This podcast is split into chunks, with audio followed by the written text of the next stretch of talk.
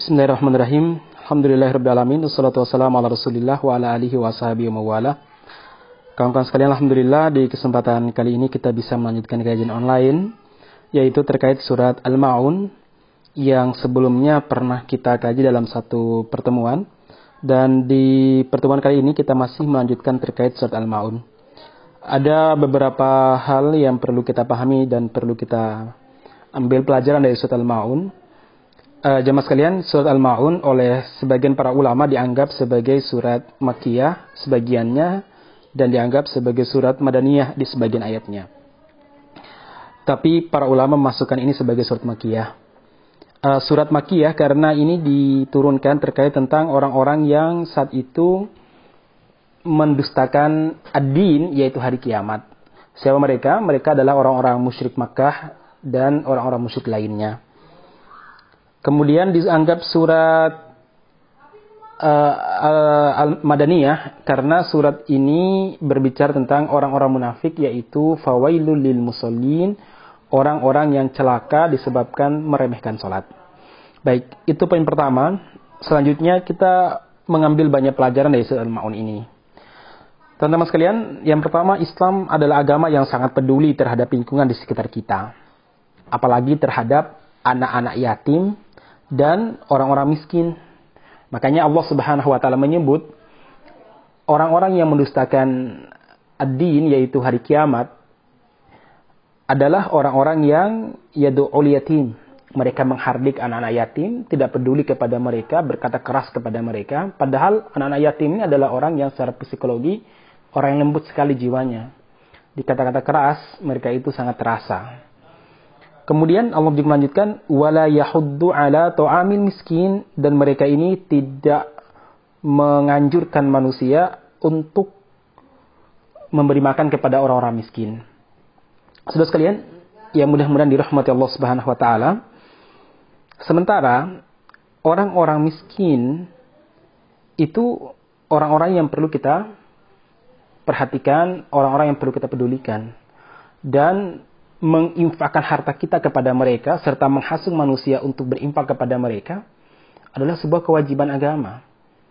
Dan Allah Subhanahu wa taala menjelaskan dalam banyak ayat tentang ciri-ciri orang yang beriman dan ciri-ciri penduduk surga adalah orang yang sangat peduli terhadap orang miskin. Misalkan ketika Allah Subhanahu wa taala berbicara dalam surat Al-Insan terkait tentang orang-orang yang akan masuk surga di ayat yang ke-9 Allah Subhanahu wa taala mengatakan, "Innama nut'imukum liwajhillah la nuridu minkum jazaa'an wala syukura." Sesungguhnya kami ini memberikan makan kepada kalian wahai orang-orang miskin liwajhillah karena Allah Subhanahu wa taala. Kami nggak pernah mengharapkan balasan dari kalian dan ucapan syukur. Nggak. Tetapi semuanya karena Allah. Inna nakhafu Inna nakhafu min rabbina yawman abusan qamtarira Sesungguhnya kami sangat takut kepada Allah Subhanahu wa taala di mana di hari betul-betul wajah dibolak-balikkan. Jemaah sekalian, yang mudah-mudahan dirahmati Allah Subhanahu wa taala, orang miskin itu oleh para ulama dikategorikan ada dua. Yaitu orang-orang yang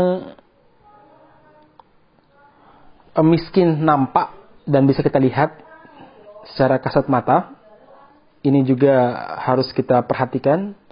Dan yang lebih dari itu adalah orang-orang miskin yang tidak nampak. Uh, mereka ini sebenarnya miskin tapi tidak menampakkan diri sebagai orang miskin karena rasa malu dan ingin menjaga harga diri. Biasanya mereka adalah para alimul ulama, para ulama, para tokoh masyarakat ataupun para aktivis yang paham agama yang ingin menjaga harga dirinya sebenarnya mereka sangat butuh tapi tidak menampakkan kebutuhannya. Dalam surat Al-Baqarah Allah Subhanahu wa taala berfirman tentang mereka di ayat yang ke-27 273 273 Allah mengatakan lil fuqara lil fuqara alladziina uhsiru fi sabilillahi la yastati'una darban fil ardi yahsabuhumul jahilu agniya'a minat ta'affuf تعرفهم بسيماهم لا يسألون الناس إلحافا وما تنفقوا من خير فإن الله به عليم zakat ataupun sedekah itu diperuntukkan bagi orang-orang yang fakir, mereka yang terhalang di jalan Allah Subhanahu wa taala. Artinya mereka tidak bisa mencari nafkah karena mereka ini berjuang di jalan Allah Subhanahu wa taala. La yastati'una darban fil ardi mereka tidak bisa mencari peluang untuk bisa beribadah uh, mencari nafkah bisa karena uh, ketidakmampuan. Atau para ulama mengatakan misalkan orang-orang di penjara atau para orang-orang yang terlibat dalam amal dakwah yang betul-betul fokus untuk berdakwah atau yang di sini adalah orang-orang yang berjihad yang mereka ini mungkin dikejar-kejar dan lain sebagainya siapa pun mereka yang jelas mereka ini yahsabuhumul jahilu agniya aminat ta'affuf orang-orang yang tidak tahu merasa bahwa mereka ini adalah orang-orang kaya karena mereka menjaga harga dirinya ta'rifuhum bisimahum Padahal sebenarnya kita lihat dari mereka nggak pernah minta-minta, tapi mereka sangat butuh. Layas alunan nasa ilhafa. Mereka tidak pernah meminta dan menadahkan tangannya kepada manusia sebagai bentuk menjaga diri dan menjaga harga diri mereka. Uh, itu poin dari sekian poin. Kemudian, sudah sekalian, surat Al-Ma'un juga berbicara tentang urgensi solat. Solat merupakan perkara yang sangat penting dalam Islam Bahkan Rasulullah Shallallahu Alaihi Wasallam menyebutnya sebagai imaduddin, yaitu sebagai tiang agama.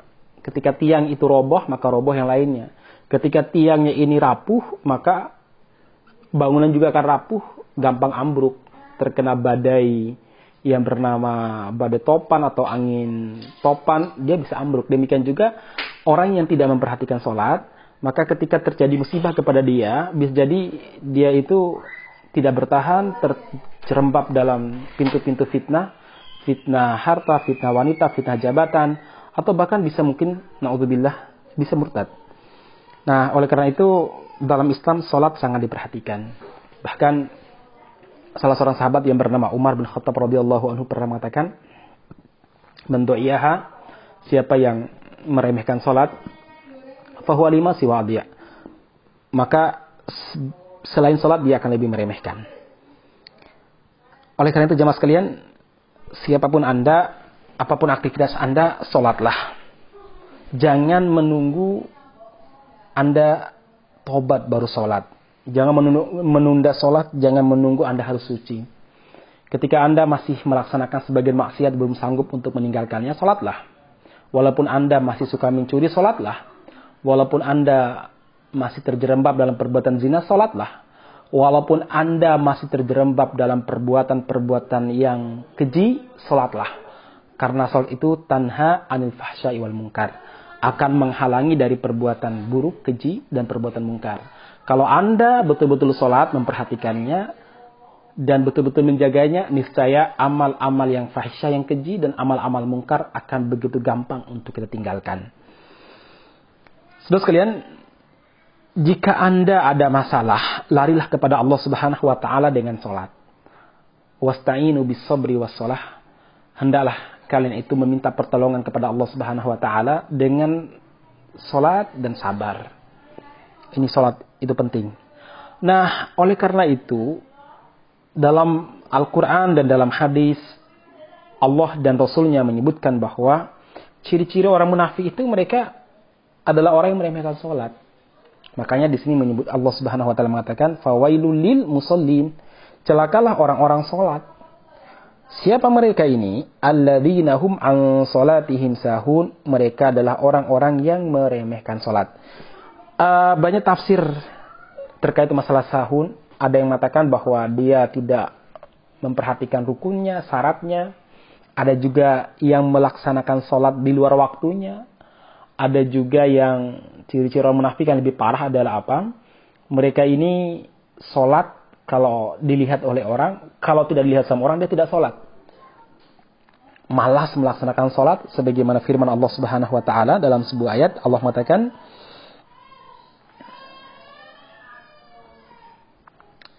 Innal munafikina yukhadi'una Allah wa huwa khadi'uhum. Sesungguhnya orang-orang munafik itu di dunia menipu Allah dan Allah pasti menipu mereka baik di dunia maupun di akhirat nanti. Wa idza qamu ila salati qamu kusala. Kalau mereka ini melaksanakan salat, mereka melaksanakan dengan malas sekali. yura'unan nas wa la Allah illa qalila. Dan kalau mereka melaksanakan salat itu karena ria dan mereka tidak mengingat Allah kecuali sangat langka mengingat Allah lebih banyak mengingat bisnisnya lebih banyak mengingat keluarganya. Dan alhamdulillah mungkin kalau timbangan ini kita gunakan untuk menimbang diri kita bisa jadi kita tidak tidak bisa lepas dari sifat orang munafik. Malah sholat kerja semangat mengingat game mengingat artis dan lain sebagainya lebih banyak daripada mengingat Allah Subhanahu wa taala Nah, jamaah sekalian yang mudah-mudahan dirahmat subhanahu wa taala. Kemudian uh, poin terakhir yang perlu kita sampaikan adalah apa? Ciri-ciri orang-orang yang celaka walaupun melaksanakan salat wa yamna'un al-ma'un dan mereka ini menghalang-halangi orang dari al-ma'un itu perbuatan baik. Ada yang mengatakan al-ma'un itu semua perbuatan ma'ruf, ada yang mengatakan memberi makan dan sebagainya. Yang jelas, dia tidak peduli dan tidak mau berbagi dengan orang-orang di sekitarnya. Nah, uh, saudara sekalian, yang mudah-mudahan dirahmati Allah Subhanahu wa taala. Sekali lagi, surah Al-Maun ini menimbang kita gunakan untuk menimbang diri kita dan kita gunakan untuk menimbang orang-orang di luar kita. Tapi yang lebih penting adalah apa? Jangan-jangan ada di antara kita ini yukadzibu biddin, orang-orang yang mendustakan ad-din, hari kebangkitan dengan tidak peduli dengan sekitar lingkungan sekitar kita, tidak peduli dengan nasib anak yatim, tidak peduli dengan orang-orang miskin, sangat cinta dan hartanya dan tidak pernah mau berbagi. Sekali lagi, Islam itu berbagi. Tidak berbagi, maka nilai keislamannya berkurang atau bahkan bisa hancur. Uh, Saudara sekalian, uh, demikian kajian surat Al-Ma'un yang perlu kita sampaikan dan mudah-mudahan bisa memberikan pencerahan kepada kita semuanya. Insya Allah kita lanjutkan pada pertemuan berikutnya. Assalamualaikum warahmatullahi wabarakatuh.